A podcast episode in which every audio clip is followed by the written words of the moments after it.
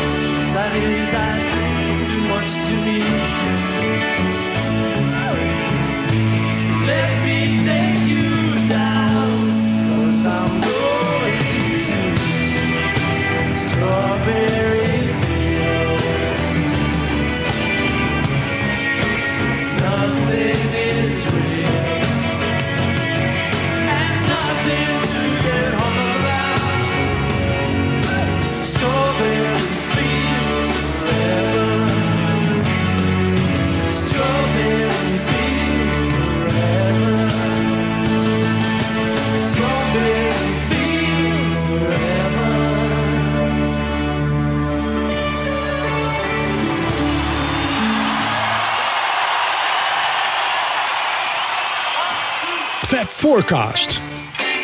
Ja, luisteraars. Een nieuwe aflevering van de Fab Forecast. Hij sluit eigenlijk een beetje aan op de vorige over George Martin. En eh, we gaan het weer doen natuurlijk met eh, naast mij. Michiel Tjepkema. En achter de knoppen zoals altijd. Wibo Dijksma. Ja. En waar gaan we het over hebben? Eigenlijk gaan we iets nieuws doen, want dat hebben we volgens mij nog nooit eerder gedaan. Eén nummer, een hele aflevering over praten. En eh, denkt u nou niet, ik spoel hem gelijk door, want eh, het is interessant genoeg. Er zijn ontzettend veel aspecten te, eh, te melden over het nummer Strawberry Fields. Strawberry Fields. Zo is het. Ja, ik zat te wachten. te wachten dat Michiel inviel. Ehm, Ik wil ja, eigenlijk elkaar niet vragen, heel vriendelijk, om dit nooit meer te doen. En Wix Maar- nooit meer dat jaren 80 synthesizer te gebruiken. dit was uit 1990, jongens. Dit is Ja. wel heel lang geleden. Liverpool. Was jij daarbij? Ik was daarbij, ik was daarbij. En eh, ik moet zeggen, eh, George Martin was er ook bij. En hij had eigenlijk een vooruitziende blik, want hij zei: eh, Someone who We love dearly. We love dearly. En eh, dat zou ook op George Martin kunnen slaan, natuurlijk. Want het is eigenlijk eh, waar we het over gaan hebben: hè, Strawberry Fields Forever is toch een, een, een samenwerkingsproject van eh, zowel George Martin als John Lennon. Zo mogen we het toch wel stellen, of niet? Ja. En ik denk McCartney ook wel een hand in gehad heeft hoor. Ja, niet zo groot eh, heb ik ontdekt als we zouden denken. Maar Ah. eh, daar komen we later nog eh, op terug. Ja. Ehm, eh, het was een meest complete nummer, of een complexe nummer eigenlijk, tot, tot, tot aan toe. De opnametijd was 45 uur. En dat was vijf keer zo lang als de hele eerste LP aan opnametijd vergde. Dus vijf keer zo lang als de eerste Please Please Me LP. 45 uur hebben ze eraan besteed. Ehm, we, hebben, ik- we gaan er later op terugkomen. Mark Lewison heeft een paar steken laten vallen in zijn boek eh, eh, over de recording history. Eh, ook mensen die daar iets meer over willen lezen. Eh, een goed artikel over dit, ehm, eh, over dit nummer is te vinden op internet. Joseph Brennan, B-R-E-N-N-A-N, eh, van de Columbia University in Amerika. Die heeft er een heel goed artikel over geschreven. Die hebben, heb ik een beetje als leidraad genomen. En ehm, hij zegt er nog veel meer interessante dingen over. Dus als je daar iets over wilt doorlezen, raad ik je aan om naar die site te gaan. We gaan ook wat mythes doorprikken. Eh, de mythes van twee aparte nummers die aan elkaar zouden eh, gezet moeten worden. Eh, althans, we doen een poging om die mythe te, te- door te prikken. U krijgt een reconstructie van take 24 voor het eerst te horen. Nooit eerder gehoord. Ik heb, hem, ik heb er lang op zitten zweten en ik hoop dat het me een beetje gelukt is. Ehm, Waarom hebben we dat nooit gehoord dan? Is dat nooit op bootleg verschenen? Nee, die is eigenlijk nooit op bootleg verschenen. En je moet eh, een aantal eh, dingen achter elkaar zetten en overal vandaan halen. Eh, ik zal het straks wat Uitleggen. meer uitleggen, maar het is nooit gedaan. En het is een reconstructie, hè? dat moeten we wel bedenken. Maar ehm, eh, wel een interessante, omdat dat de basis was waarop George Martin verder borduurde in de tweede helft van dit, van dit nummer. Ja, eigenlijk ehm, is het ontstaan in, in Spanje eigenlijk, dit, dit, dit hele nummer. Ehm, John ging ehm, filmen in, eh, in Almeria, zoals die Engelsen dat noemen. Ik weet eigenlijk niet eens hoe de Spaanse uitspraak is. Maar, eh, Almeria. Zoiets Almeria, zo. Ja, hij ging daar eh, How I Won the War filmen met Dick Lester. En was daar weken achtereen in Spanje. En ik heb begrepen dat Ringo nog een tijdje even bij hem op bezoek is Ja. geweest. En Neil? Neil Aspinall is lang bij hem op bezoek geweest.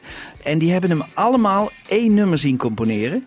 In al die weken. En daar was hij de, voortdurend mee bezig. Eh, Neil Aspinall zegt, eh, het is ontstaan op het strand van Almeria. Eh, het mooie is dat hij een tape recorder bij zich had. Waardoor hij al zijn vorderingen kon vastleggen. En dat eh, is ook wel bijzonder.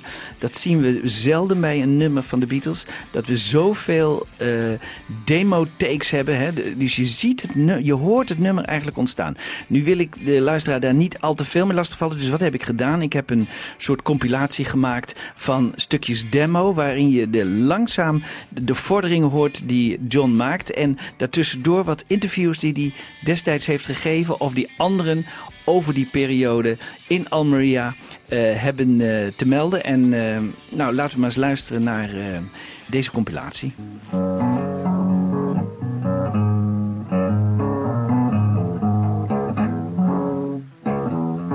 Strawberry Fields I wrote when I was making How I Won the War in Almeria, Spain. It's a um, Salvation Army home that was near the house I lived in with my auntie in the suburbs.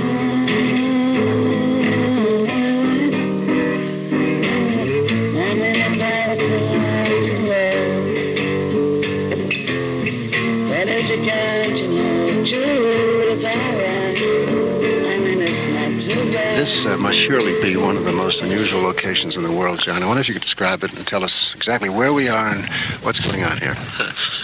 You're asking me where we are. Well, you know, as far as I know, we're somewhere in Spain. It could be anywhere for all I know, actually. And it's just like a, I don't know, it's like a dump, really. It's like the moon, you know, just desert and sand and hills and mountains. But not very nice to look at, but the weather's okay now and then.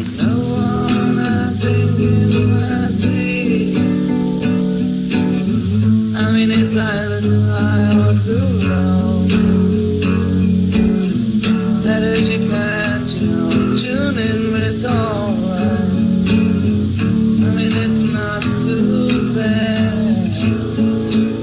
Well, Strawberry Fields is a song that John had because he used to live next door to this place called Strawberry Fields, which was a Salvation Army place for kids.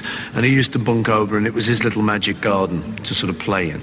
So whenever I went to visit him, he'd sort of say, hey, you know, and we'd go past it. He said, this is Strawberry Fields, and he'd give me the gin on it. Strawberry Fields I wrote when I was making How I Won the War in Almeria, Spain. And it took me six weeks to write the song. Uh-huh. I, I was writing it all the time I was making the film. And as anybody knows about film work, it's a lot lot of hanging around.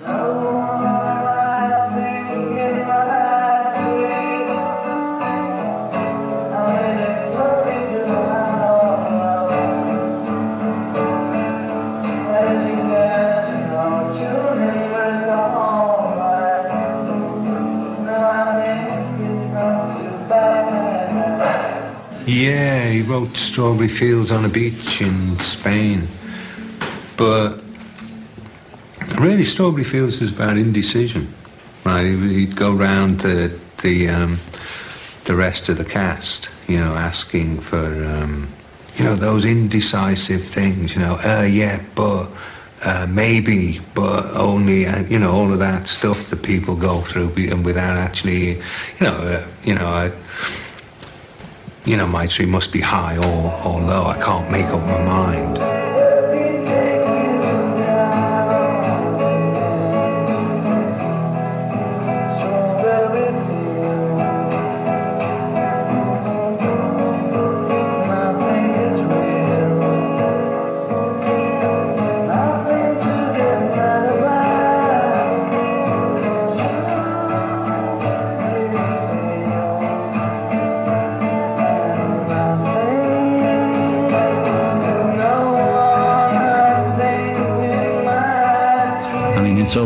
I keep saying this, I was the only one I can remember that I'm saying I sometimes, no, always think it's me, but, uh, you know, and all that bit. Strawberry Fields, I was trying to describe myself, how I felt, you know. And, but I wasn't sure how I felt, so I'd be saying, sometimes, no, always think it's real, but uh, uh, whatever. I can't remember the lyrics, but I'm expressing it haltingly because I'm not sure what I'm feeling. But now I was sure, yeah, that was what I'm feeling. It hurts, man. That's what it's about, right? So then I could express myself.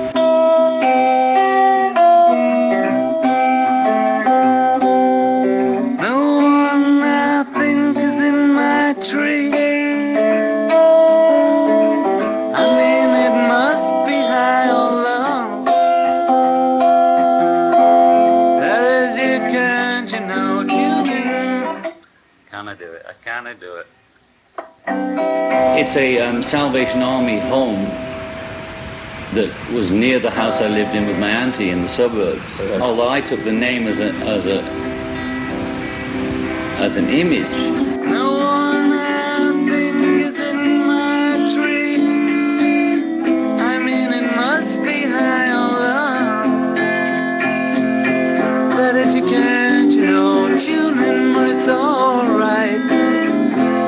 I think it's not too bad. Ja. Ja, mooi dat er zoveel van opgenomen is, joh. Leuk, hè? Ja. Ja, zes weken Over één nummer. over één nummer. Ja.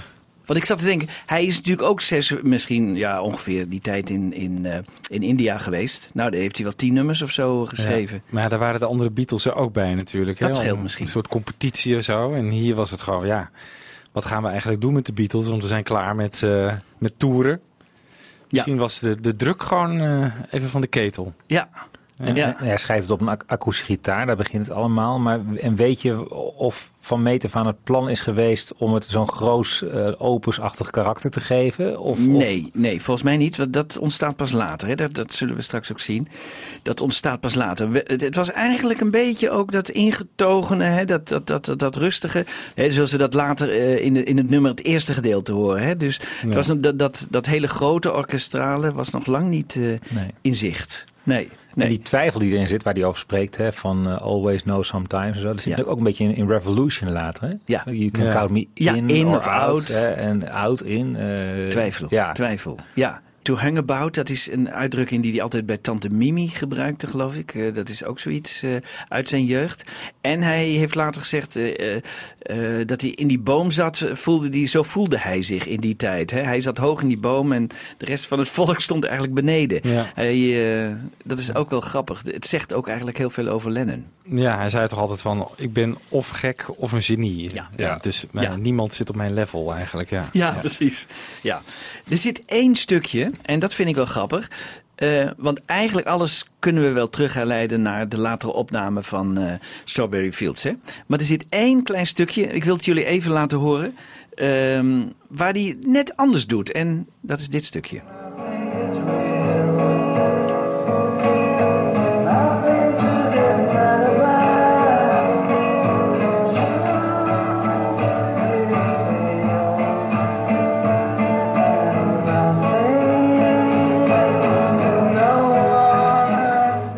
Ja, dat is anders. Dat is inderdaad. anders. Ja, ja. Doet me ergens aan denken. Ja, het doet mij ook ergens aan denken. Ik Hmm. wilde het jullie net vragen, maar... Ja, aan een ander Lennon-nummer of zo. Dat hij misschien dat einde later gebruikt heeft. Het had er wel ingekund, toch? Ja, heel mooi eigenlijk. Ja, eigenlijk heel mooi.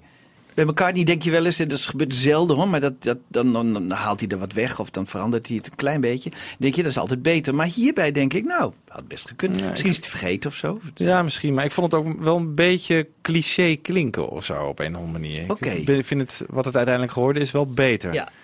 Dus Lennon die kan misschien net zoals jij gedacht hebben. Ja, misschien denk je van ja, dit kan beter. En toen heeft hij dat over Strawberry Fields Forever. Dat, Ja. dat Ja. einde gewoon. Ja. Dat staccato-achtige. Vind Ja. ik wel mooier. Maar goed. Ja. Nou ja, dan, dan gaan ze dus in november 66 gaan ze dit nummer opnemen. En George Martin heeft altijd gezegd... de meeste indruk heeft op hem gemaakt... eh, dat eh, Lennon dit nummer voor hem eh, op de gitaar voorspeelde. En dat had hij niet. Maar in één keer kwam daar een demo van Lennon tevoorschijn... bij de Anthology... waarin hij dat eh, eh, zingt, een stukje... en ook nog in hele goede kwaliteit. Laten we even luisteren. One, two, three, four.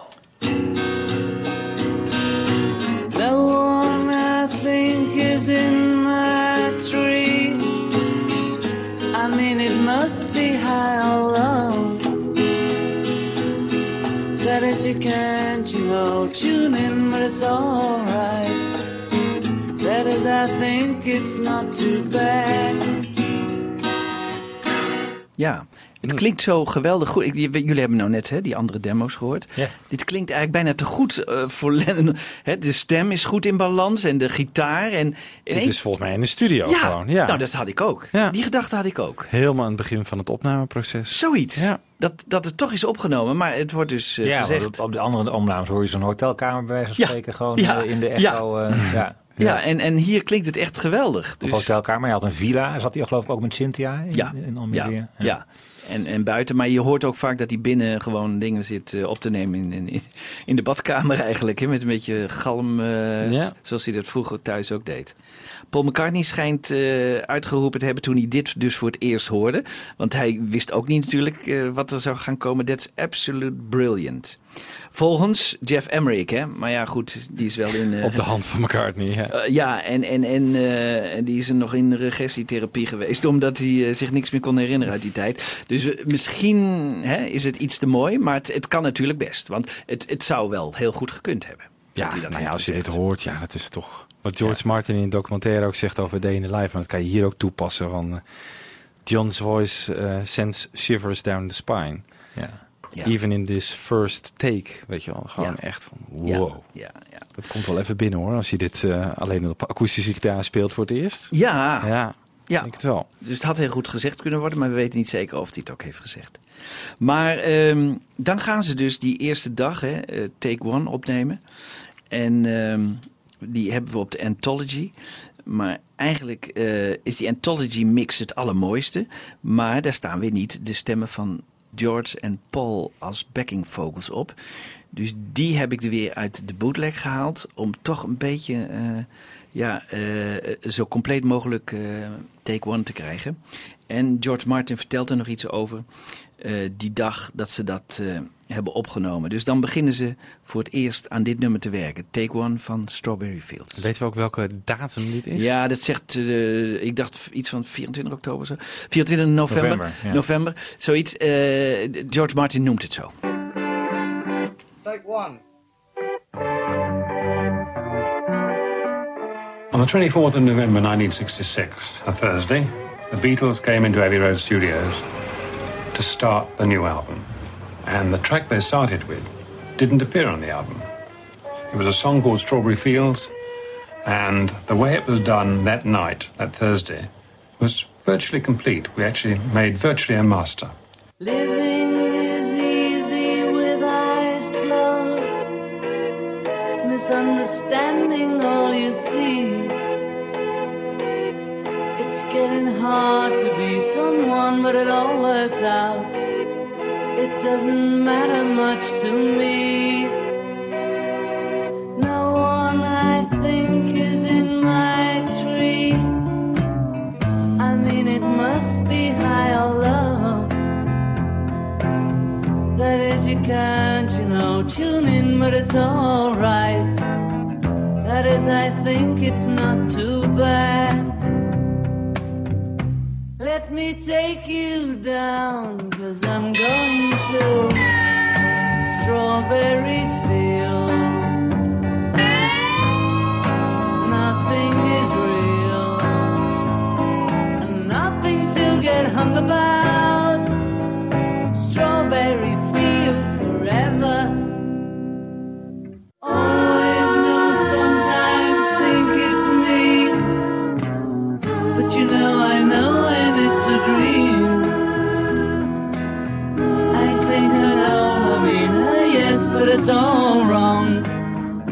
That is, I think I disagree. Let me take you down, cause I'm going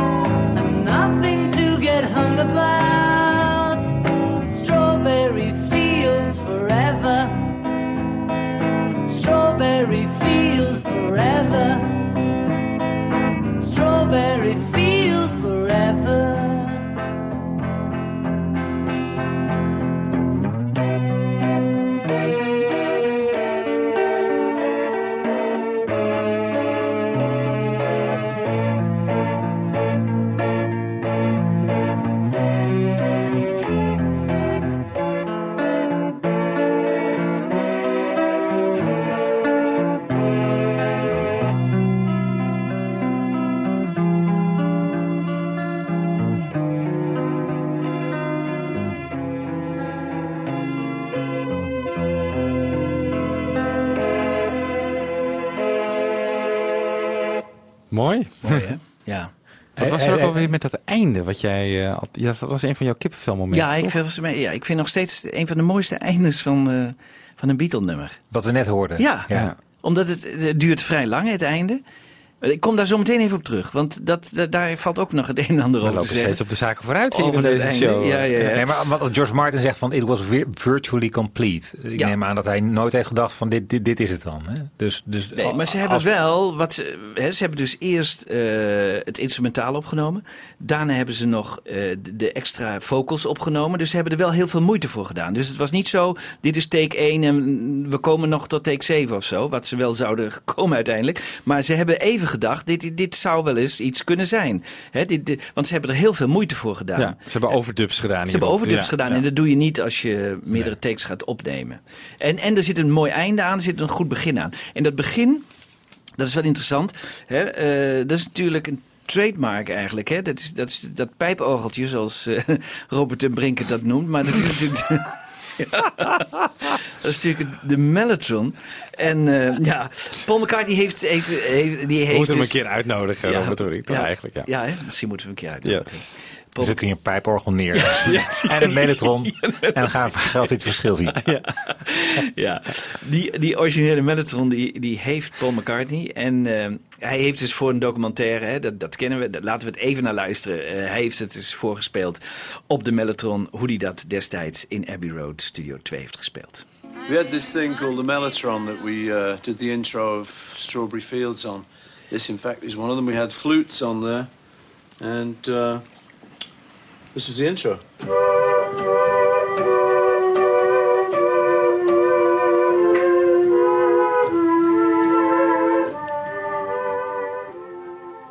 Klinkt wel veel hoger, hè? Het klinkt hoger, ja, want je moet hem afstellen en hij moet eigenlijk iets lager afgesteld worden. Hè? De- de- je kunt namelijk de bandsnelheid bepalen heel goed bij eh, een Mellotron. En hij heeft hem iets langzaam en aan het eind zet hij hem helemaal, terwijl hij aan het spelen is, zet hij hem laag. Ja, precies. ja. En dan, nou, er is een Amerikaan, en dat is wel grappig. Misschien kun je de microfoon even open laten staan en dan dit volgende stukje even laten horen. Want er is een Amerikaan die heeft een Mellotron en die heeft even dit- hele stukje gedetermineerd. Dus die heeft gezegd van, wat speelt McCartney hier nou? En het blijkt dus drie lagen op elkaar te zijn.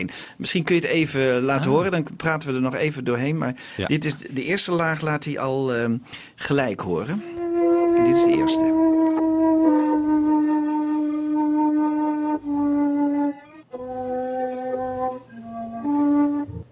Nou, en dit is de tweede.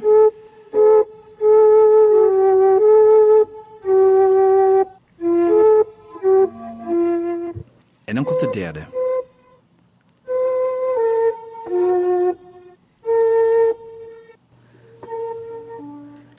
Elkaar is dit stereo.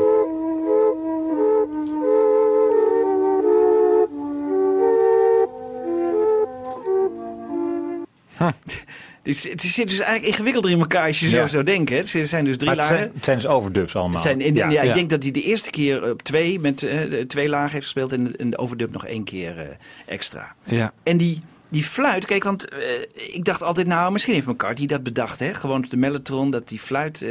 maar als we terugluisteren naar Kenwood, hè, Kenwood was de plaats waar, eh, waar John woonde, en daar heeft hij dus die demo's opgenomen, voor een gedeelte ook, hè? dus in Almeria, maar ook in, in Kenwood. En dan gaat hij al met een, met een mellotron in de weer. En dan merk je ook dat hij al op die fluit zit. Dus luister maar even naar het volgende stukje, want dan hoor je al iets van...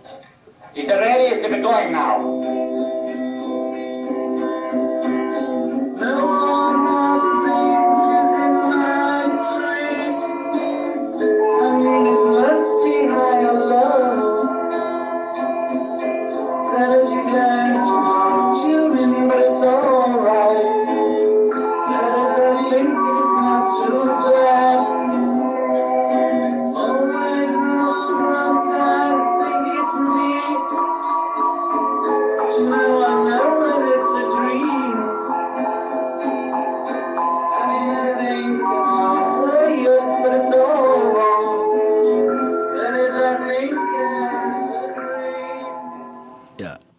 dus zelf ook een mellotron thuis. En die kon ook op, op zijn eh, ba- bandapparaat kon hij meerdere sporen eh, vol eh, spelen. Dus, dus dan kon hij inzingen en, en dit soort dingen. En dat is wel heel erg leuk, want nu hoor je eigenlijk dat hij al met die fluit bezig was, hè, met Ja. die mellotron. Ja. Dus die fluit is een idee van hem, denk ik. Maar de compositie, de intro zelf, is van McCartney. Dat dacht ik ook, maar ook daar zijn de meningen over verdeeld. Want als we naar de Plaza 1964 gaan, Ja, nee, maar dat verhaal, dat, eh, dat geloof ik niet. Oké, nou laten we, dan laat ik het aan de luisteraar over. Hè. Dus dan horen we hier Lennon eh, al. In 64 dus. in hè? 64 Ja. al in de Plaza iets spelen. Sin, 8 o'clock, channel 2 and 3. Do you want to follow this? Channel 2. Maybe 5, 6. You have to get on channel 2. You know, we're on this thing now in a minute. Ready, fellas, let's go. We're late.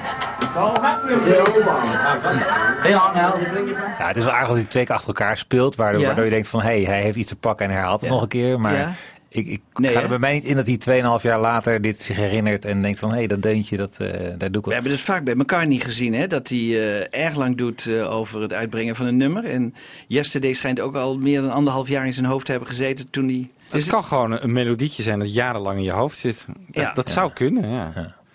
Ik hoor de gelijkenis wel, moet ik zeggen. Ja, ik hoor het ook wel. Maar ik denk ook, McCartney was ook zo goed in het verzinnen van intro's op nummers. Ja. Dus, dus ik, het lijkt me zeer aannemelijk. Hij heeft het ook gespeeld, hè? Dat staat sowieso vast, ja, toch? Ja, ja, ja, McCartney heeft gespeeld. Ja. Dat klopt. Zou het niet een beetje raar zijn? Dat, dat, waarom speelt Lennon dat eigenlijk niet?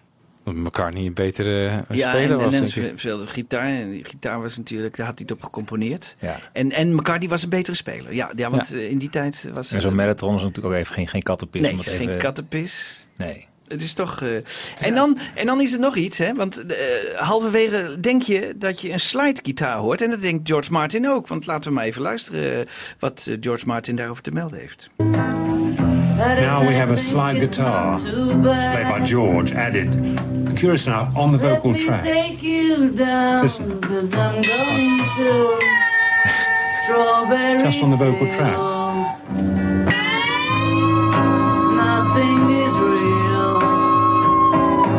Nothing to get hung about. Strawberry fields forever. Dit is dus geen slidegitaar. Nee, dat hoor je ook wel, toch? Ja. Het, het is de Mellotron. Oh ja? Ja, en het is de Mellotron. Daar kon je ook gitaar, elektrische gitaar op kiezen. En je kon daar dus die snelheid mee veranderen. En George dacht ook, ik ga ook met die Mellotron in de weer. Dat staat in de, de rock- eh, Beatles Recording History. En die heeft dus eh, alsnog de Mellotron toegevoegd met een gitaar. Dus het is heel grappig. Dit is, dus hij heeft ook de eh, gespeeld, maar dan als gitaar. Je hebt het dan over George Martin of Nee, George Harrison? Harrison. George, Harrison heeft hier Ja. de eh, George Harrison heeft hier de Mellotron gespeeld. Als een slidegitaar. Dat vind ik toch wel heel erg leuk. Nou, dat heb ik nooit geweten. Ik dacht altijd dat het slidegitaar was, ja. Zelfs, zelfs Martin dacht Maar aan het eind hoort ook, het, het gaat helemaal vervormen. Het, Ja. Dan kan het op een gegeven moment geen gitaar meer zijn. Nee, hè? daar heb Dus je dat- gelijk. Zo heb ik het ook beluisterd. En toen dacht ik ook van. Ja, Ja. maar je hebt gelijk. Dat, dat, eh, maar dan was ik er niet opgekomen dat dit een, eh een, was. Nee. Hè, met een eh, elektrische gitaar. Nee. En dit is nog steeds even 24 november de eerste mas, hè, waar we het nu over hebben. Het is nog steeds 24 Ja. november. Ja, ja, Ja. ja, ja, We gaan er nog even op door, jongens. Want eh, er zijn nog meer dingen. Ehm, we hebben drie... Ja, we hebben drie mixen van dit nummer. Hè, wat ik al vertelde, eh, we hebben de mix van eh, eh, John Barrett, die dat heeft opgenomen. Dan, hè, dit, dat was die man die dat allemaal heeft uitgezocht in begin jaren 80, die die illegale opname allemaal heeft gemaakt. En die toen overleden is, kort Ja. daarna? Ja, Ja. die man. Ja. Dan hebben we de, de mix van Jeff Emmerich, hè, die het later voor, eerst voor Sessions en later voor Anthology heeft gebruikt.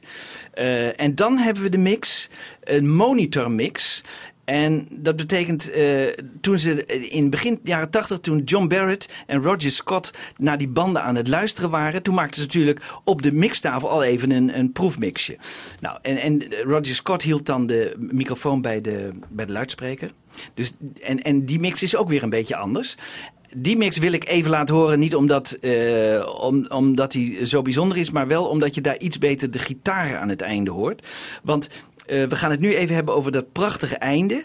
Eh, ik dacht, nou, dat is misschien wel geïmproviseerd eh, door John. Laten we nog even luisteren eh, naar het einde van eh, Strawberry Fields Take One.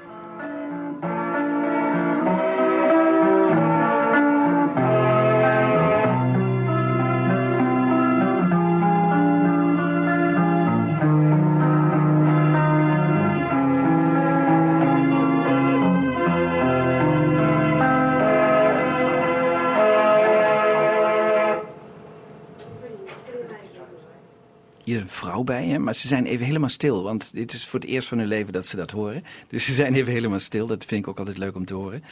Ehm, dus één vrouw en Roger Scott en, eh, en John Barrett. En, ehm, maar wat, wat, wat hier interessant is, is die gitaar. Hè? Die, die gitaar van, van John Lennon. Ehm, en ik vond ook weer eh, dat arrangement een beetje terug in de Kenwood eh, demo's. En nou, laten we daar nog even naar luisteren.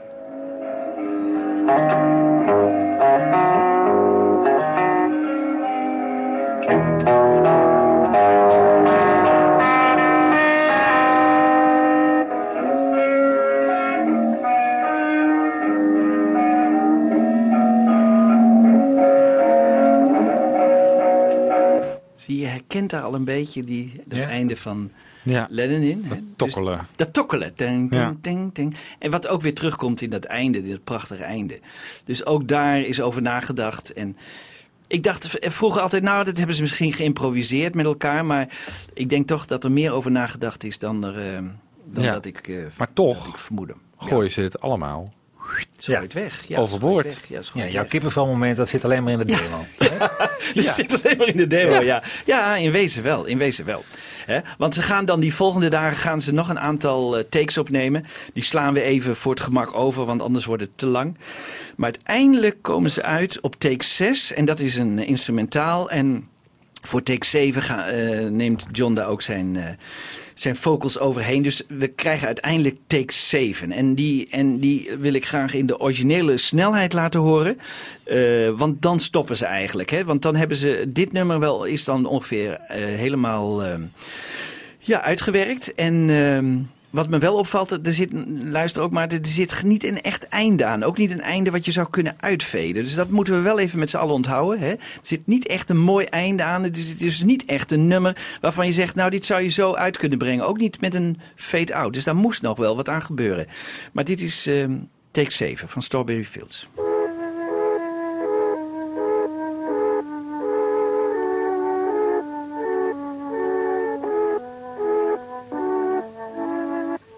Let me take you down, cause I'm going to strawberry fields. Nothing is real, and nothing to get hung about. Strawberry fields forever. Living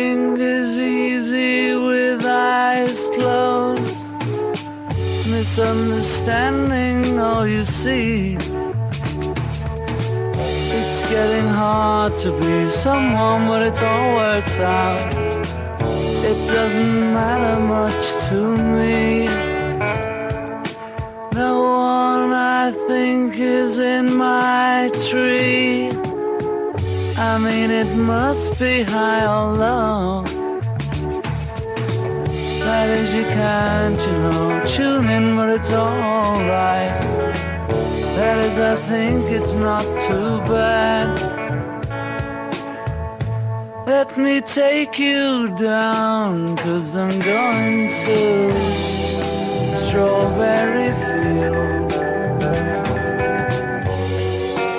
Nothing is real, and nothing to get hung about. Strawberry fields forever. Always know, sometimes think it's me. But you know, I know when it's a dream. I think I know, I yes, but it's all wrong. That is, I think I disagree. Let me take you down, cause I'm going to Strawberry Fields. Nothing is real, and nothing to get hung about. Strawberry Fields forever. Strawberry Fields forever.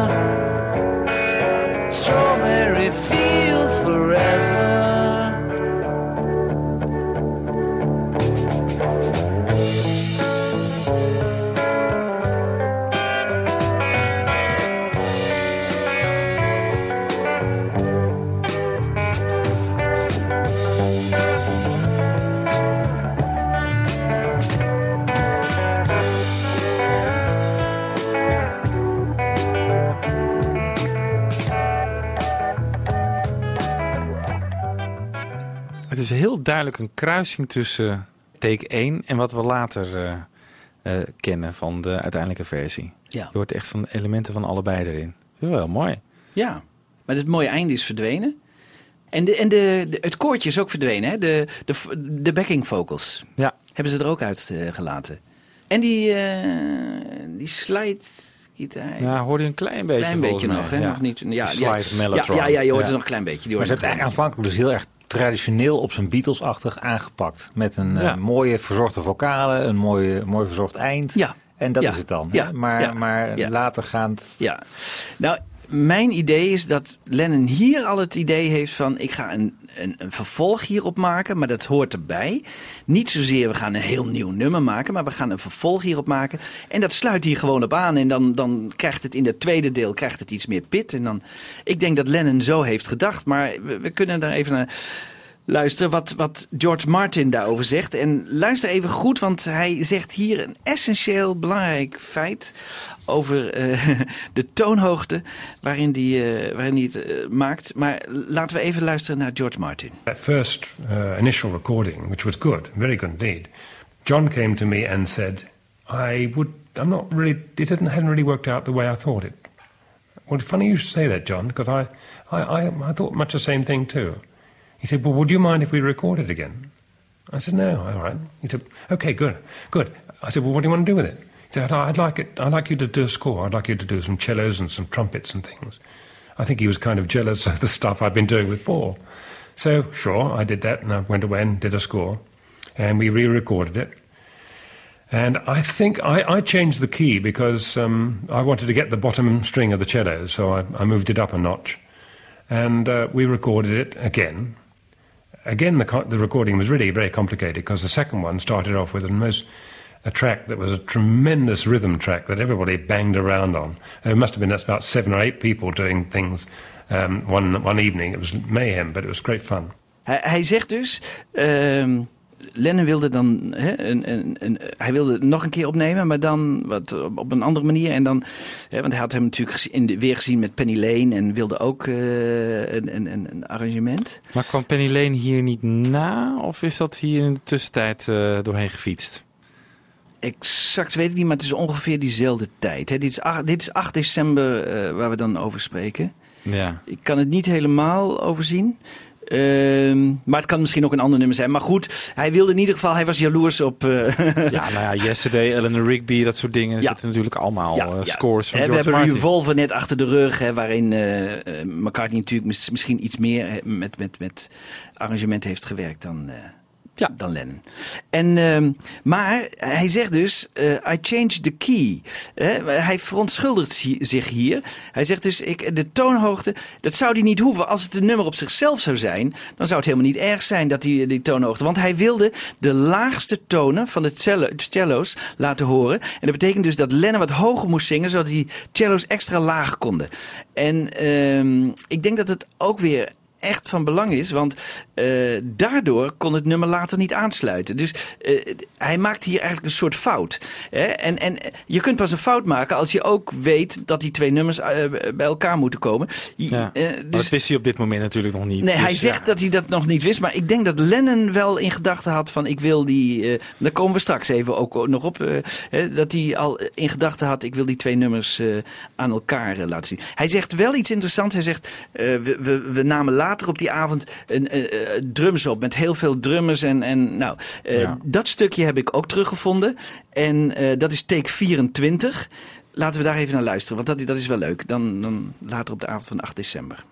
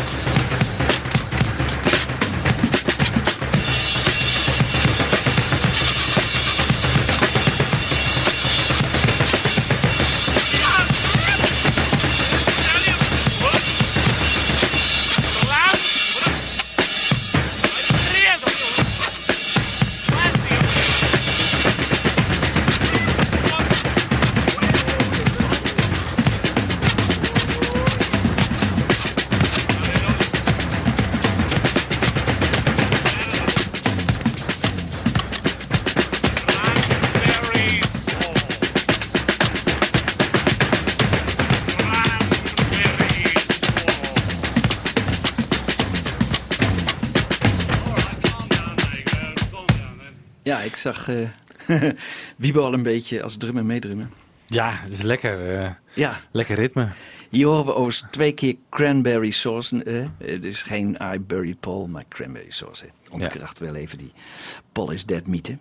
Ehm, dit was later op de avond van 8 december. Want eh, eh, eerder op die avond waren George Martin en Jeff Emmerich... naar een, geloof ik, een première van, Cliff, van een Cliff Richard film... waar ze ook iets mee te maken hadden gehad met de score.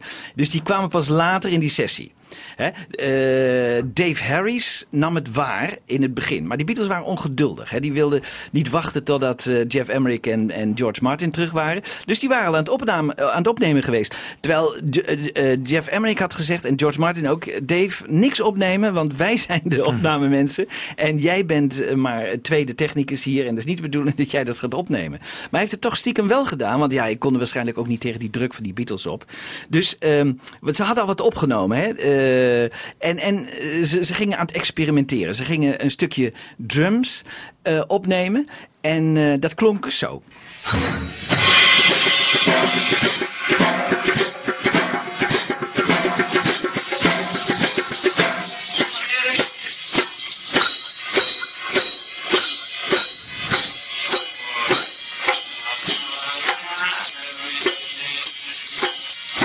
Ja. En John Lennon had weer de gedachte van, nou, ik wil dit stukje wel, maar ik wil hem ook eh, als we hem eens omdraaien. Hè? Dus, eh, en, en we draaien hem achterstevoren. Is misschien ook leuk. En dan krijg je dit. One, two, three.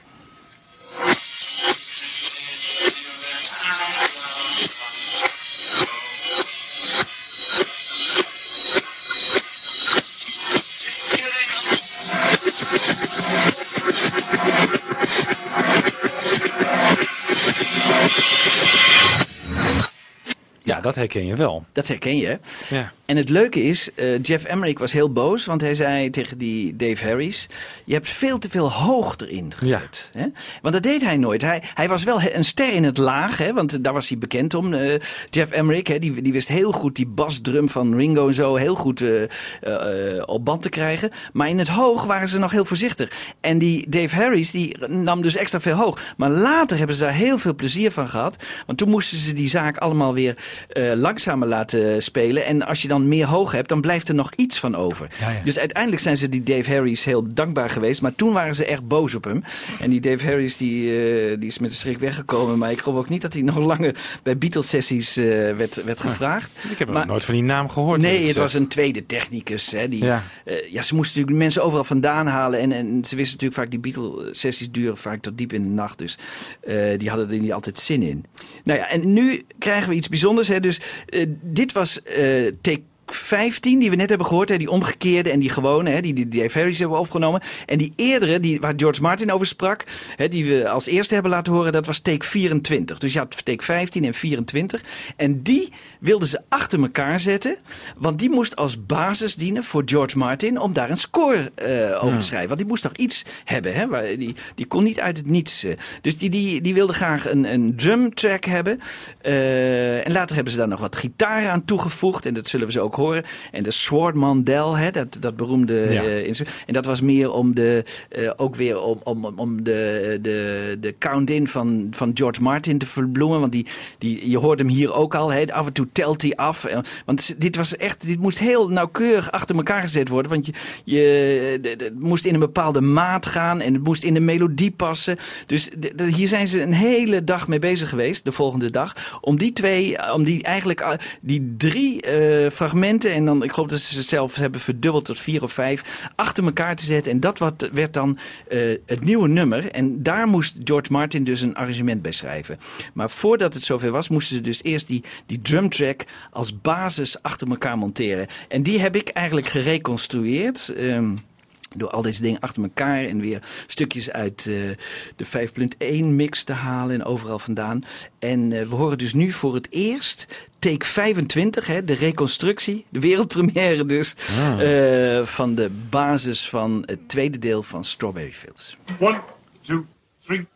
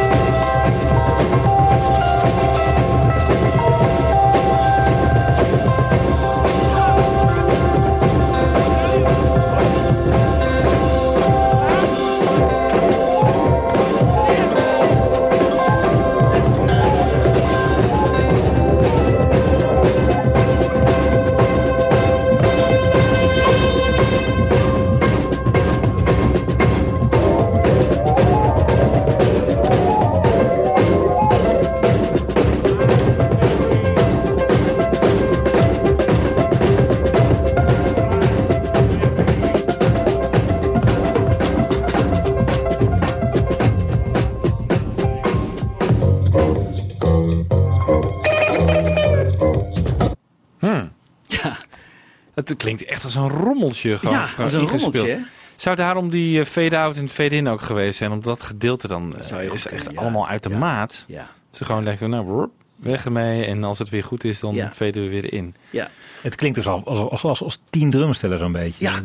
Wat, Ja. Wat, wat gebeurt er allemaal? Ja, ze, ze, ze hebben het over elkaar heen eh, genomen en veel basdrums en zo. Vooral die basdrum, die, Ja. eh, die wordt, daar wordt ook over die opnamesessie gesproken. Ja. Dat is eh, heel belangrijk. En, eh, ja. Maar dit is dus wel versneld dan toch? Want John's Even stem, kijken. als je die hoort, dat klinkt niet... Dat klinkt een beetje keer met kikker. eh. Ja, nee, want hij is, uiteindelijk is hij langzamer geworden. Hè? Dus Ja. later, pas in de sessie, wordt hij langzamer. Dus dit is de originele... Dit Is dit de originele dit is de- snelheid? Dit is de originele snelheid. Dus dit is de guide vocal van... eh, Lennon van Lennon, want die moest natuurlijk meezingen om ongeveer te bepalen hoe, de, hoe die zaak nog eh, Ja. zou moeten eh, klinken. En ehm, ik heb hem af en toe ehm, de, de vocals er nog iets bijgevoegd, maar soms hoor je ook de originele. Want dit moesten ze weer laten horen als die sessiemuzikanten gingen inspelen. Want die moesten ergens meespelen, die moesten weten van hoe snel moeten we spelen en dingen. Ja. Nou, en, en, en, en dus in zes dagen schrijft George Martin dan de, de score. En die, die op basis van dit, ik denk dat hij hier een, eh, of een tapeje mee heeft gekregen, of een, eh, eh, zo'n zo, zo'n flexidisc of zo'n zo'n Ja. kleine demo. En, en daar moest hij op basis daarvan moest hij dus de, de score schrijven. En dan krijg je dus eh, de volgende score die hij dan eh, op 15 december opneemt. Thank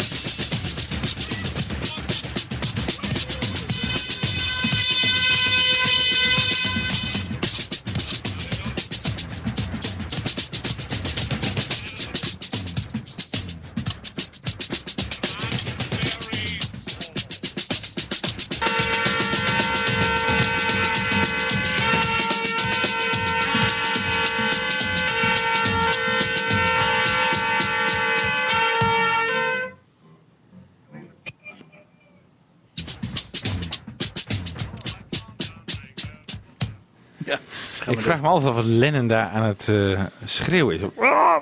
Ja, it's too loud, zegt hij tegen eh, Ringo. Ze, ze maken er, ja, eh, ik denk Dat is op tijdens die die, die- Ja, dat is op die 8 december gebeurd. En daar is hij wat gaan schreeuwen en zo. En, ja. Maar ik vind het overigens wel knap, want je moet je dus bedenken dat op die 8 december moest eh, Martin al bedenken op welke toonhoogte Lennon moest zingen. eh, om die cello's tot de laagste eh, registers te kunnen laten spelen. Dus dat is wel, hij, dat is weer erg knap van, van Martin hoor. Die heeft toen al bedacht van, oh dan gaan we cello's erbij doen en dan doen we dat zo. Dat is, dat is, en dan moet je zo hoog zingen en dan moet je dit zingen. En ik vind het sowieso knap dat ze uit die kakofonie van die drums, dat, dat hij daar nog een score overheen heeft kunnen, hè, die, die Ja. ook nog redelijk eh, past allemaal. En dat plakken van die twee delen, dat moet nog komen. Dat moet allemaal komen. Dat moet allemaal komen. Want, want Martin denkt nog steeds, dit is een nummer staat op zichzelf. Tenminste, dat zegt hij altijd. Hè. Want dit is, dit, we hebben dus het allereerste nummer gehad hè, aan het begin van de uitzending. Hè. Take 7, hè, dit hele rustige nummer. Dat stond op zichzelf. Die dachten ze, nou, die, eh, Martin dacht, die gooien we in, de, in het archief. En dan gaan we nu een heel nieuw nummer opnemen. Hoe die dan dacht dat dat begin zou moeten klinken, is mij een raadsel. Want dat verbaast mij. Hè? Want ze- beginnen zo. Ik bedoel, je komt er in één keer in met, eh, met, met, met eh, de cello's en de, en de trompetten. En, Ja, en daar begint het ook gewoon. het daar begint het ook. Ja. daar begint het ook. Hè? Dus hij weet gewoon van hiervoor moeten we nog iets gaan... Moeten we iets maken? Terwijl ik denk Lennon heeft gedacht, nee, hè, maar daar komen we zo op. Eh, dit moet er gewoon aan vast. Want nu gaat Lennon het inzingen. Hè? Dus de, de, het originele inzingen van Lennon.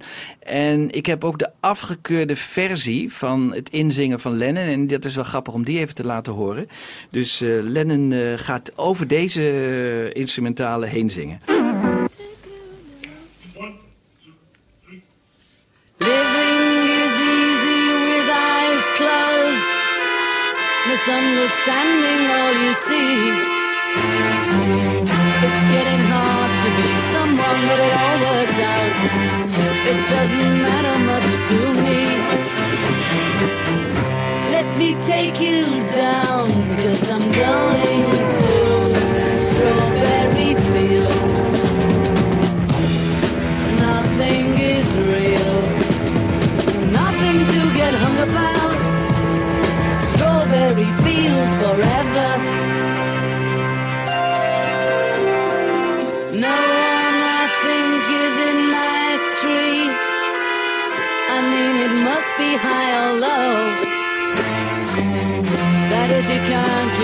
Tune in, but it's alright. That is, I think it's not too bad. Let me take you down, cause I'm going to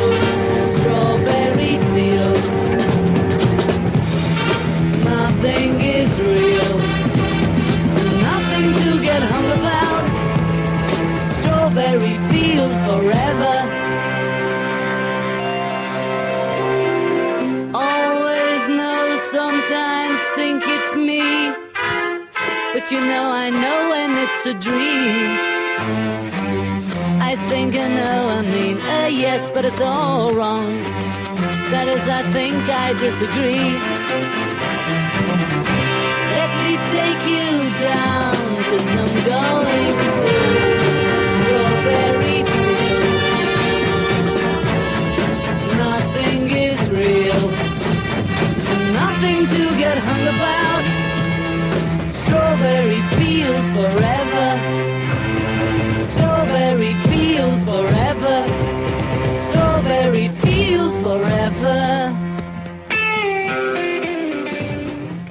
Toch vind ik het gek, Jan Kees. Want eh Ja. ehm, Lennon's stem klinkt hier toch echt een beetje smurfig.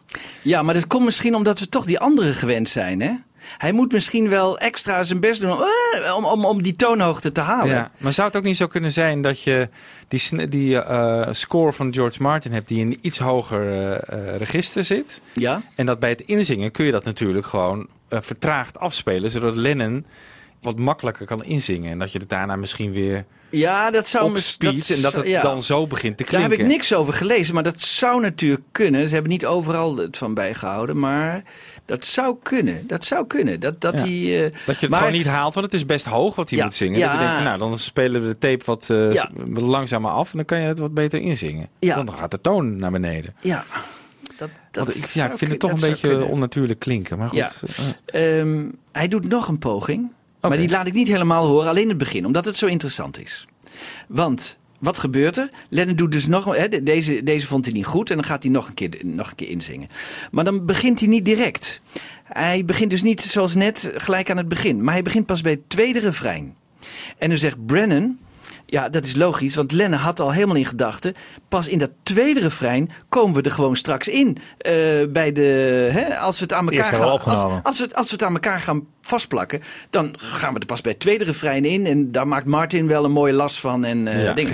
Dus hij dacht van de eerste deel dat hebben we al opgenomen. Dat hebben we al opgenomen ja. en dat wil, ik, dat wil ik behouden. Dat vind ik mooi. Maar en dan gaan we een tweede, snelle gedeelte gaan we eraan vastplakken. En dan. eh, en, klaar. En, en, en Martin Ja. maakt dat wel in orde. Terwijl Martin dacht, tenminste volgens het verhaal altijd, van ja, nee, eh, de, de eerste is een aparte opname en die tweede is een aparte opname. En die twee die kunnen helemaal niet bij elkaar of zo. Hè? Maar eh, ja, dat zegt hij, hè? Dat zegt hij. Maar in hoeverre dat ook de werkelijkheid Vandaar dus is, wat je zei, die fout van hem om eh, in verband met die cello's de toonhoogte De omhoog te toonhoogte. gooien. Daar, hij spreekt dan op een gegeven moment in, in een van die interviews die, hè, die we net hebben gehoord eh, over, die, over die fout die hij heeft gemaakt. En, en, en het gekke is ook, Lennon zou anders ook wel direct hier aan het begin zijn begonnen. Maar die weet gewoon, ik, eh, eh, ik doe die moeite niet. Want het, het kost hem misschien al moeite om dat zo snel en met, Ja. met vol energie te zingen. En even een voorhandiggende vraag. Hij had, George Martin had ook gewoon die fout kunnen herstellen door opnieuw die sessiemuzikanten uit te nodigen en het in de goede toon te spelen. Nee, want dan kunnen die cello's niet zo laag. Daar Dan kunnen was die het- cello's niet. Oh. Ja, ja, dat is waar. Ja, ja. Ja. dan kunnen die cello's niet. Want dat wilde En George dat wilde Martin die graag, want Ja. dat, klonk geweldig. Ja, dat klinkt ook geweldig. Het klinkt ook Ja, geweldig. ja. Hè, dat, dat, is, dat, dat kunnen we niet eh, tegenspreken. Hè, dus, dus hij was ook ge- eh, erg gehecht aan die opname. Laten we dan even luisteren hoe Lennon pas in de tweede refrein erin komt. En alleen in het begin even. Take 26.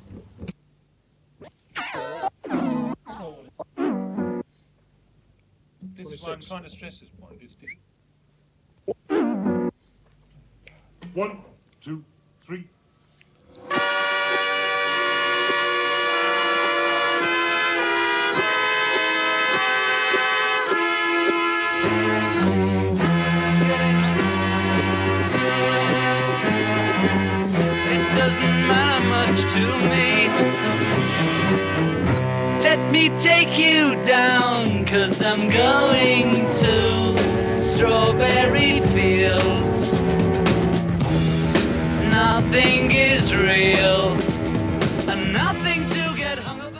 Hij zingt eerst een beetje in, hè? dat vind ik ook wel leuk. Ja. En dan, dan hoor je hem een beetje, zijn stem wat op te warmen. En dan... Maar dit is al een, een stukje trager afgespeeld. D- dit is iets trager. Ja, want Ja. je Lennon's stem klinkt ook, tenminste in mijn oren, meer natuurlijk. Oké, oké. Ja, weet je, eh, ik heb ook veel dingen van bootlegs afgehaald. En die zijn natuurlijk niet altijd Ja, exact met die snelheid en zo. kunnen, dus ja. dus het, het was in ieder geval een stuk sneller dan we uiteindelijk hebben gehoord hè, eh, later.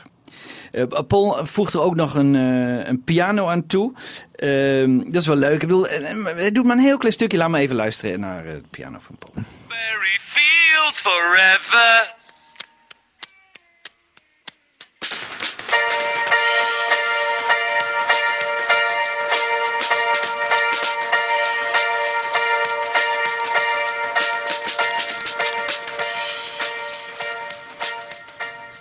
De Mrs. Mills eh, piano weer zijn? Ja. Klinkt een beetje... Ik heb wel eens gedacht, zou dit misschien de inspiratie zijn geweest voor de videoclip? Hè, met, die, met die piano en Ja. die boom. Hè, want de boom sloeg natuurlijk op de dingen. En piano, dit is de enige piano eigenlijk die, eh, Die erin zit, die, er- erin zit. Dus eh, ja. Nou ja, Maar nu even resumeren nog. Waar, waar zitten we nu? Hè? We nou, hebben la- nu- laten, we, laten we even. Nou, dat is goed om te, om te doen, want laten Ja? we nu George Martin even woord. Ik heb de oudste versie van het hele verhaal. Hè, want hij resumeert even hè, wat er nu allemaal gebeurd is. Oké. En het is uit 1973 van de BBC. En bij ons is het uitgezonden door Poster van de Tros. En eh, daarin vertelt George Martin dus eh, het verhaal zoals hij zich het herinnert. Zo aan de oppervlakte was hun muziek misschien vrij conventioneel. Maar daaronder vond eigenlijk een soort revolutie plaats. Hier is George Martin. Penny Lane was entirely a Paul composition. Strawberry Fields was entirely a John composition. And I think you can see the difference in the two there. With Strawberry Fields, we did two recordings of this. The first time, we made a record with just the boys themselves. And it worked out pretty well, I thought, anyway. And John went away and listened to the lacquers that we cut of it. And he came back to me and said, George, he said, I don't think it's really what I had in mind when I first wrote it. And I had to admit, I, I said, well, you know, honestly, John, it has worked out rather heavier than I first thought when you sat and played it to me on an acoustic guitar. I thought it was going to be a little more uh, flowing than, than it has been. He said, well, that's the point. He said, I want to make it a little more smooth. Can you do a score for me and we'll do a new record? So I scored it for some cellos and for some trumpets and various things. And we made another record of Strawberry Fields Forever. And he went to Anderson to that. And he said, uh, mm, it's very much better. I like it much better. But it's still not right. There's a lot in the original recording that's, that's really better than this one. It's a pity we can't have the two together. He said, if we could take the beginning of one and the end of another, that'd be great. So I listened to them both. And I said, well, there's only one thing, John. To begin with, they're completely different tempos. And they're in two different keys. Apart from that, it'd be very easy to cut them together. So he looked at me and smiled and he said, well, I'm sure you can fix it. And of course, it's a terrible challenge. Well, by the grace of God and a bit of luck, I found out that by reducing the speed of one of the recordings and by speeding up the other, the tempo change accounted for the intonation change of half tone. So in fact, I did cut the two recordings together. And the record you hear today is two separate recordings in two different keys, uh, edited together. Let me take you Ja, dat is dus het verhaal, hè? Ja. Hij vertraagt de allereerste opname. Nee, de tweede. De tweede vertraagt Hè, dus die hele snelle met die drums en die cello's, Ja. die vertraagt hij. En de eerste eh, speedt hij up. Maar dat ga ik zo ook nog wel een beetje... Maar alles staat dus in feite al wel op band. Alles staat op band. Ja. Ja. Oké. Hè, we hebben dus take Zijn klaar voor de 26 las. en take 7. Hè, take 7 en take 26. Hè, die rustige en die snelle met die cello's en die drums en die... Ja die, ja, die is rustig, maar ik zei net, hij vertraagt hem. Eh, Deze, let me take you, dat klinkt nog rustiger dan die eerste, maar Ja. dat, die is dus versneld. Nou ja, kijk, wat ik nu heb gedaan, hè. Stel dat eh, George Martin heeft dus die twee aan elkaar geprobeerd. Hè. Hij heeft nog geen snelheidsverandering. Hij heeft geprobeerd die twee aan elkaar te plakken. Ja. En dat lukte niet. Want wat krijg je als je die twee aan elkaar plakt? Daar heb ik nu even een, een proefje van mee Oh, gedaan. hè. Dus dan horen we het nu. That is, I think it's not too bad. Let me take you down. Cause I'm going to Fields. Ja, dan zou je dit gekregen Dat hebben. kan Nou, niet. Dat kan niet, hè? Dat kan niet. Nee. nee. Dus daar kwamen ze ook tot die conclusie. Ja. Ik had die gezichten wel eens willen zien naar de studio. Van, oké, we plakken het aan elkaar. Dat Lennon hierbij had gestaan van. Ja, ja, ja. ja.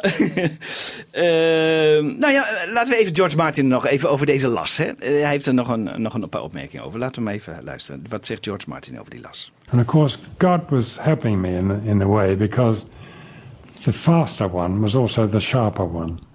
And by, by adjusting the speeds of the two, I could get them almost in line with each other from a rhythmic point of view. I got them in line with each other from a tone point of view.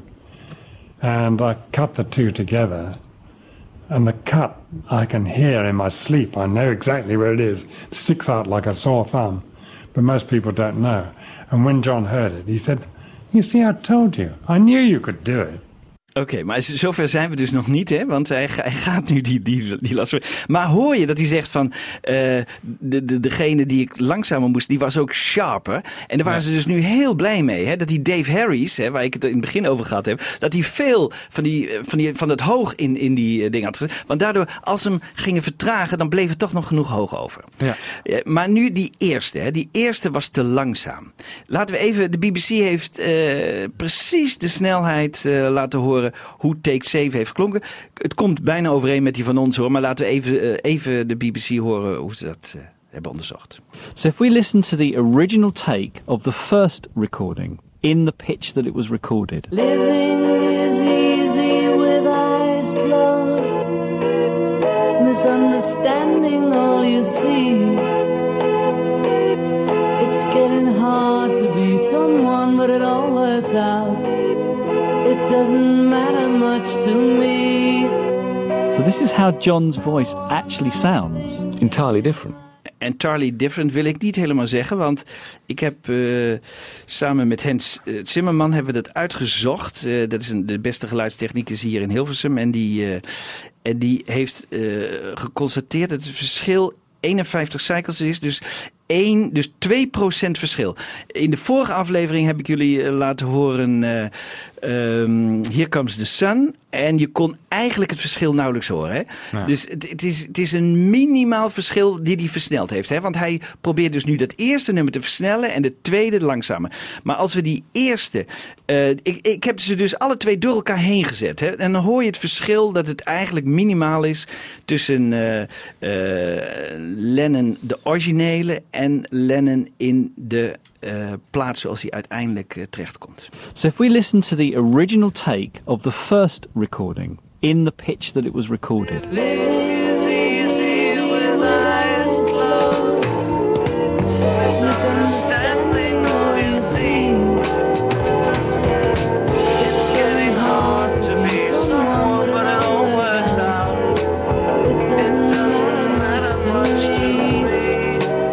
How John's voice actually sounds. In het ene oor hoor je de originele dan. Maar het gaat niet om welke nou precies. Maar je, je hoort het verschil is gewoon minimaal. Maar het is vertraagd. Hij is iets versneld. Hè? Dus de, de trage is, is de...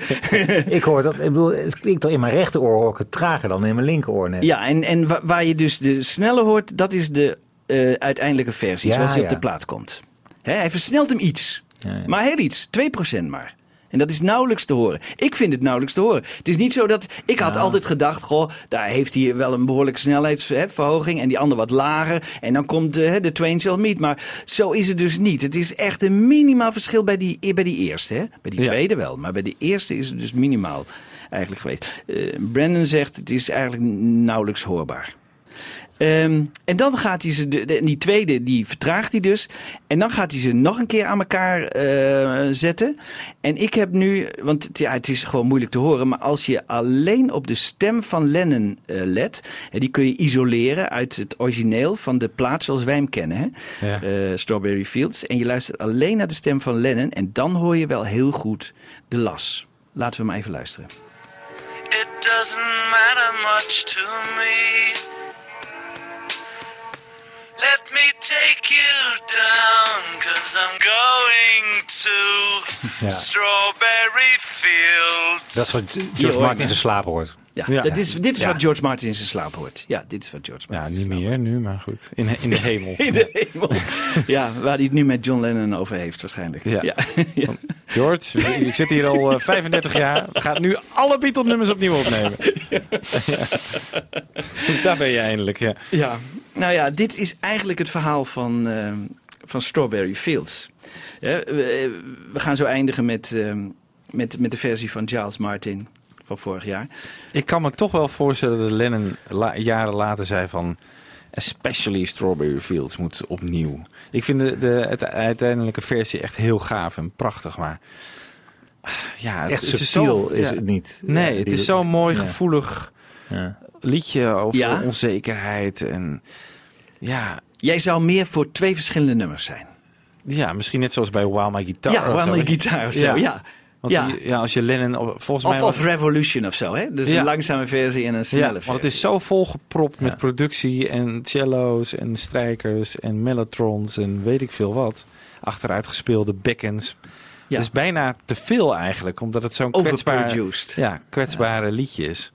Maar ja, wa- wat zeur ik nou? We hebben het over Strawberry Fields. eh, dat is gewoon een fantastisch nummer. Ja. Een fantastische Maar productie. het maar- grappige is, hè, wat jij nu zegt, dat zei Lennon, dus schijnt hij ook gezegd te hebben. Ja, Ja. Die eerste, ja, die is wel heel mooi.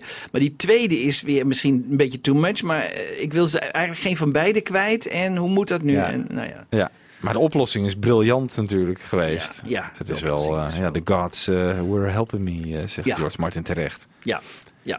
Alhoewel het verhaal misschien iets mooier gemaakt is uiteindelijk hè, in de geschiedenis dan dat het.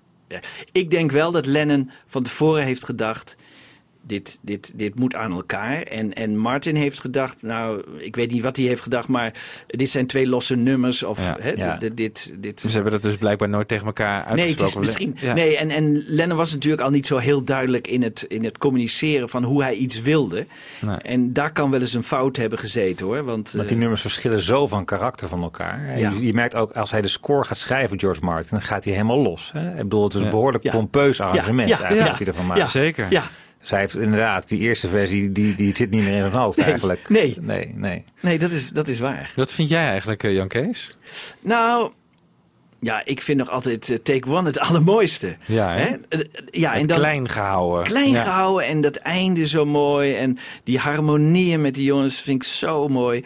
En het begin, voordat ze beginnen, dat ze dat even dat voorspelen. Ik, ik, vind het schitterend. En ik, ik, daar krijg ik nog iedere keer koude rillingen van. Dus eigenlijk hebben we, net als bij Wow My Guitar, hebben we twee versies, toch? Ja, ja hebben we ook. Behalve dan die mooie anthology versie zonder de backing vocals. Die hadden er eigenlijk nog even in gemoeten. Die hadden er nog even in gemoeten. Ja. Dat is echt, eh, dat, dat kunnen we Jeff Emmerich wel kwalijk nemen. Hè, die had dat er gewoon eh, voor, voor Anthology erbij moeten mixen. Waarom die dat niet gedaan heeft, is mij een volkomen raadsel. Ja, is raar. Ja. Vind ik ook. Maar het is wel begrijpelijk waarom ze het in take 7 niet hebben gebruikt. Want eh, dan is dat nummer toch anders geëvalueerd. Dan is het toch anders. En, en dat begrijp ik wel. Maar bij take 1 hoort, horen die, ja, die backing vocals van George en Paul prachtig. Echt heel mooi. Heel mooi. Dus en, en ja, die, die, die snelle versie. Ik vind hem, als die snel is, ook wel iets hebben hoor. Eh, hij is natuurlijk later vertraagd voor de, voor de, voor de uiteindelijke plaat. Maar hè, als, als hij nog zo snel is, vind ik hem ook wel mooi. En dan heeft hij wel enorme energie straalt hij uit. En, eh, maar het is weer een heel ander nummer. Dan hadden ze daar iets voor moeten schrijven. Hè? Een, een begin of... Ja, want wat, had- wat zou George Martin nou in zijn hoofd Ja, gehad dat vraag ik me ook af. Ja, want hoe beginnen we dit nummer in Ja. Ja. Ja, hoe beginnen we dit nummer? Ja. En, en waarom vindt hij in één keer goed dat eh, Lennon pas bij het tweede refrein invalt? Hè, bij de uiteindelijke eh, vocal eh Nou, misschien dacht hij van, dat, dat gaan we nog wel een keer opnieuw opnemen. Want ik heb van hem te horen gekregen, we gaan het hele nummer opnieuw opnemen. Maar het was dus blijkbaar maar een halve instructie. Ja. Want Lennon dacht, ja, ik heb het begin al op Ja. de plank liggen. Ja, ja. En Martin dacht, dit gaat de archieven in. Het gaat de archief in. Ja. Een stukje miscommunicatie Ja. tussen die twee, Ja. denk ik. Ja. Maar dat, dat, dat was vaak aan de hand. Hè? Dus daarom Ja. was McCartney en Martin was nooit een probleem als het om Nee. communicatie Nee, ging. Maar. Lennon, dat was altijd even... Ja. Ja. Ik denk, misschien moeten we daarmee afsluiten eigenlijk. Dit is een geval van miscommunicatie tussen Lennon en Martin geweest. Wat eind- eindelijk heel goed is uitgevallen. En Ja. uiteindelijk nog eh, goed terecht is gekomen. Maar door, eh, ja, door de ingeving. Ik geloof dat Jeff Emmerich heeft gezegd van... laten we de een iets, iets eh, sneller en de andere iets langzamer. Laten we dat nog eens proberen. Maar dan moet je het ook nog... Hè, dan moet je al die snelheden uitproberen. Kijken wat kan. En, Ja. En in die tijd met die apparatuur is het natuurlijk ook ja, heel ze erg moesten iedere eenvoudig. keer nieuwe masters maken natuurlijk om die las eh, uit te proberen. Ja. Ja. Wat een werk, joh. Maar voor mijn gevoel begint er ook een nieuw nummer na die las. Ja. Ik bedoel, Ja. Dat, dat is ook, het Ja. nummer breekt gewoon. Ja. En, en, en dat, Maar heb jij dat nu pas nadat je Lewison hebt gelezen en wist waar die las zat? Nee, maar dat, ja, je hebt al eerder het idee van hier gebeurt nu iets. Hè. Hier, Ja. Dit klinkt opeens een heel down. Hij, dat Dat is bij Going. Ja, ja, ja. ik heb nooit geweten dat hij last aan zat hoor. Nee. Ik dacht gewoon, het is een bepaald effect of zo, dat het nu losgaat. Ja. Ja. nooit, ik heb nooit die last aan gehoord. twee lassen in, hè? maar eh, Let Me Take You Down, dat is uit een stukje verderop genomen. Maar dat past daar wel, maar dat vonden ze net mooier om dat daar neer te zetten. Hè? Dus Let, Let Me Take You Down, dat, dat hebben ze uit een verdere refrein nog een keer eh, gehaald. Ah. En... eh, en, en die hebben ze daar neergezet, omdat die. Dus dat hebben ze ook. Ze hebben ons, denk ik, heel veel ermee zitten te monteren.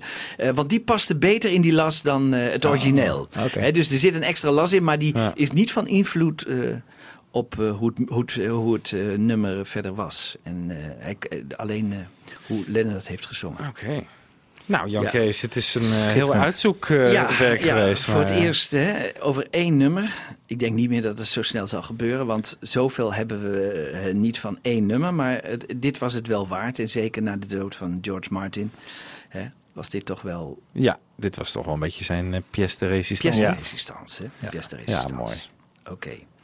Laten we eh, eindigen met eh, de zoon Giles, die dan nog één keer een prachtige mix maakt. Hè? Ja, van op de OnePlus van vorig jaar, op de Plus. DVD. Dus staat dus niet op de CD. Nee, Was je daar tevreden mee met deze mix? Of, eh, Eh, ja hoor, ik, ik vond ze helemaal niet zo bijzonder. Ik bedoel, ik, ik had er iets meer... Nou goed, daar hebben we het eerder over gehad. hè. 5.1, eh, daar hebben we het niet Nee, over. de Michiel, 5 hebben we het wel helemaal niet over. Maar ik had Nee. een iets avontuurlijker mix verwacht. Hè? Eh, zoals de, de, de, de songtrack van eh, Yellow Submarine. Maar goed, dat, dat is ons niet vergeven bij deze heren. Maar eh, het is in ieder geval goed gemaakt, mooi gemaakt. Gemaakt en het, het, het klinkt goed. En wij hebben deze, dacht ik, dankzij Wouter Wiedenhoff. Wouter Wiedenhoff. Ja, die moeten we natuurlijk ook even bedanken. En Hens Zimmerman, die mij geweldig geholpen heeft met allerlei opnamen uit Strawberry Fields. Tot de volgende keer. Ja, Kees, bedankt. Tot de volgende keer. Geen dank, jongens. Tot de volgende keer.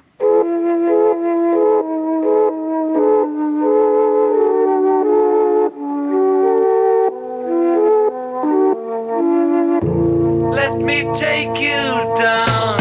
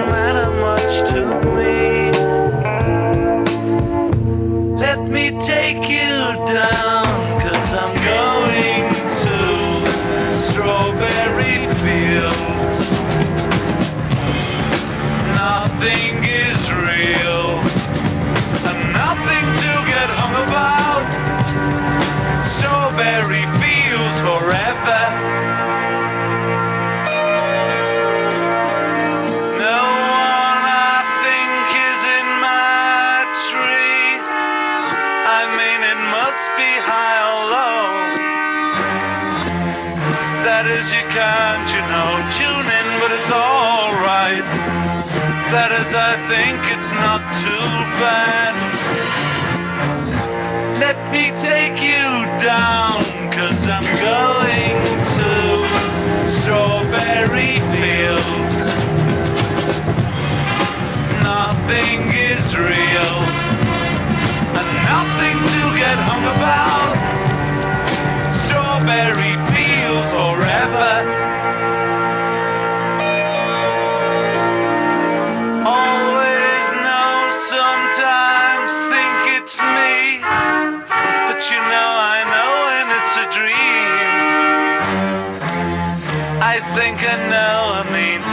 Yes, but it's all wrong.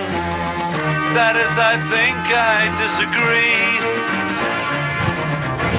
Let me take you down, cause I'm going to Strawberry Fields. Nothing is real, nothing to get hung about. Strawberry fields forever. Strawberry fields forever.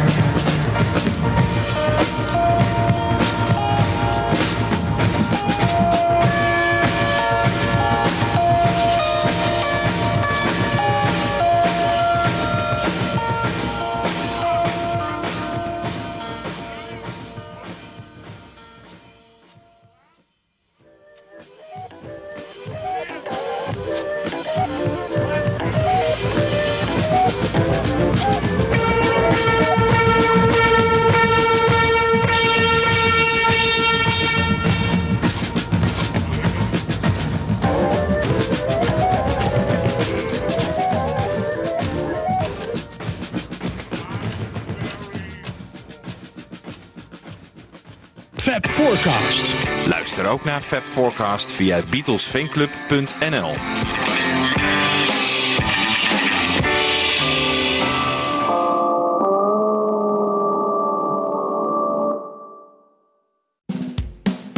Dit was een podcast van Avro Tros.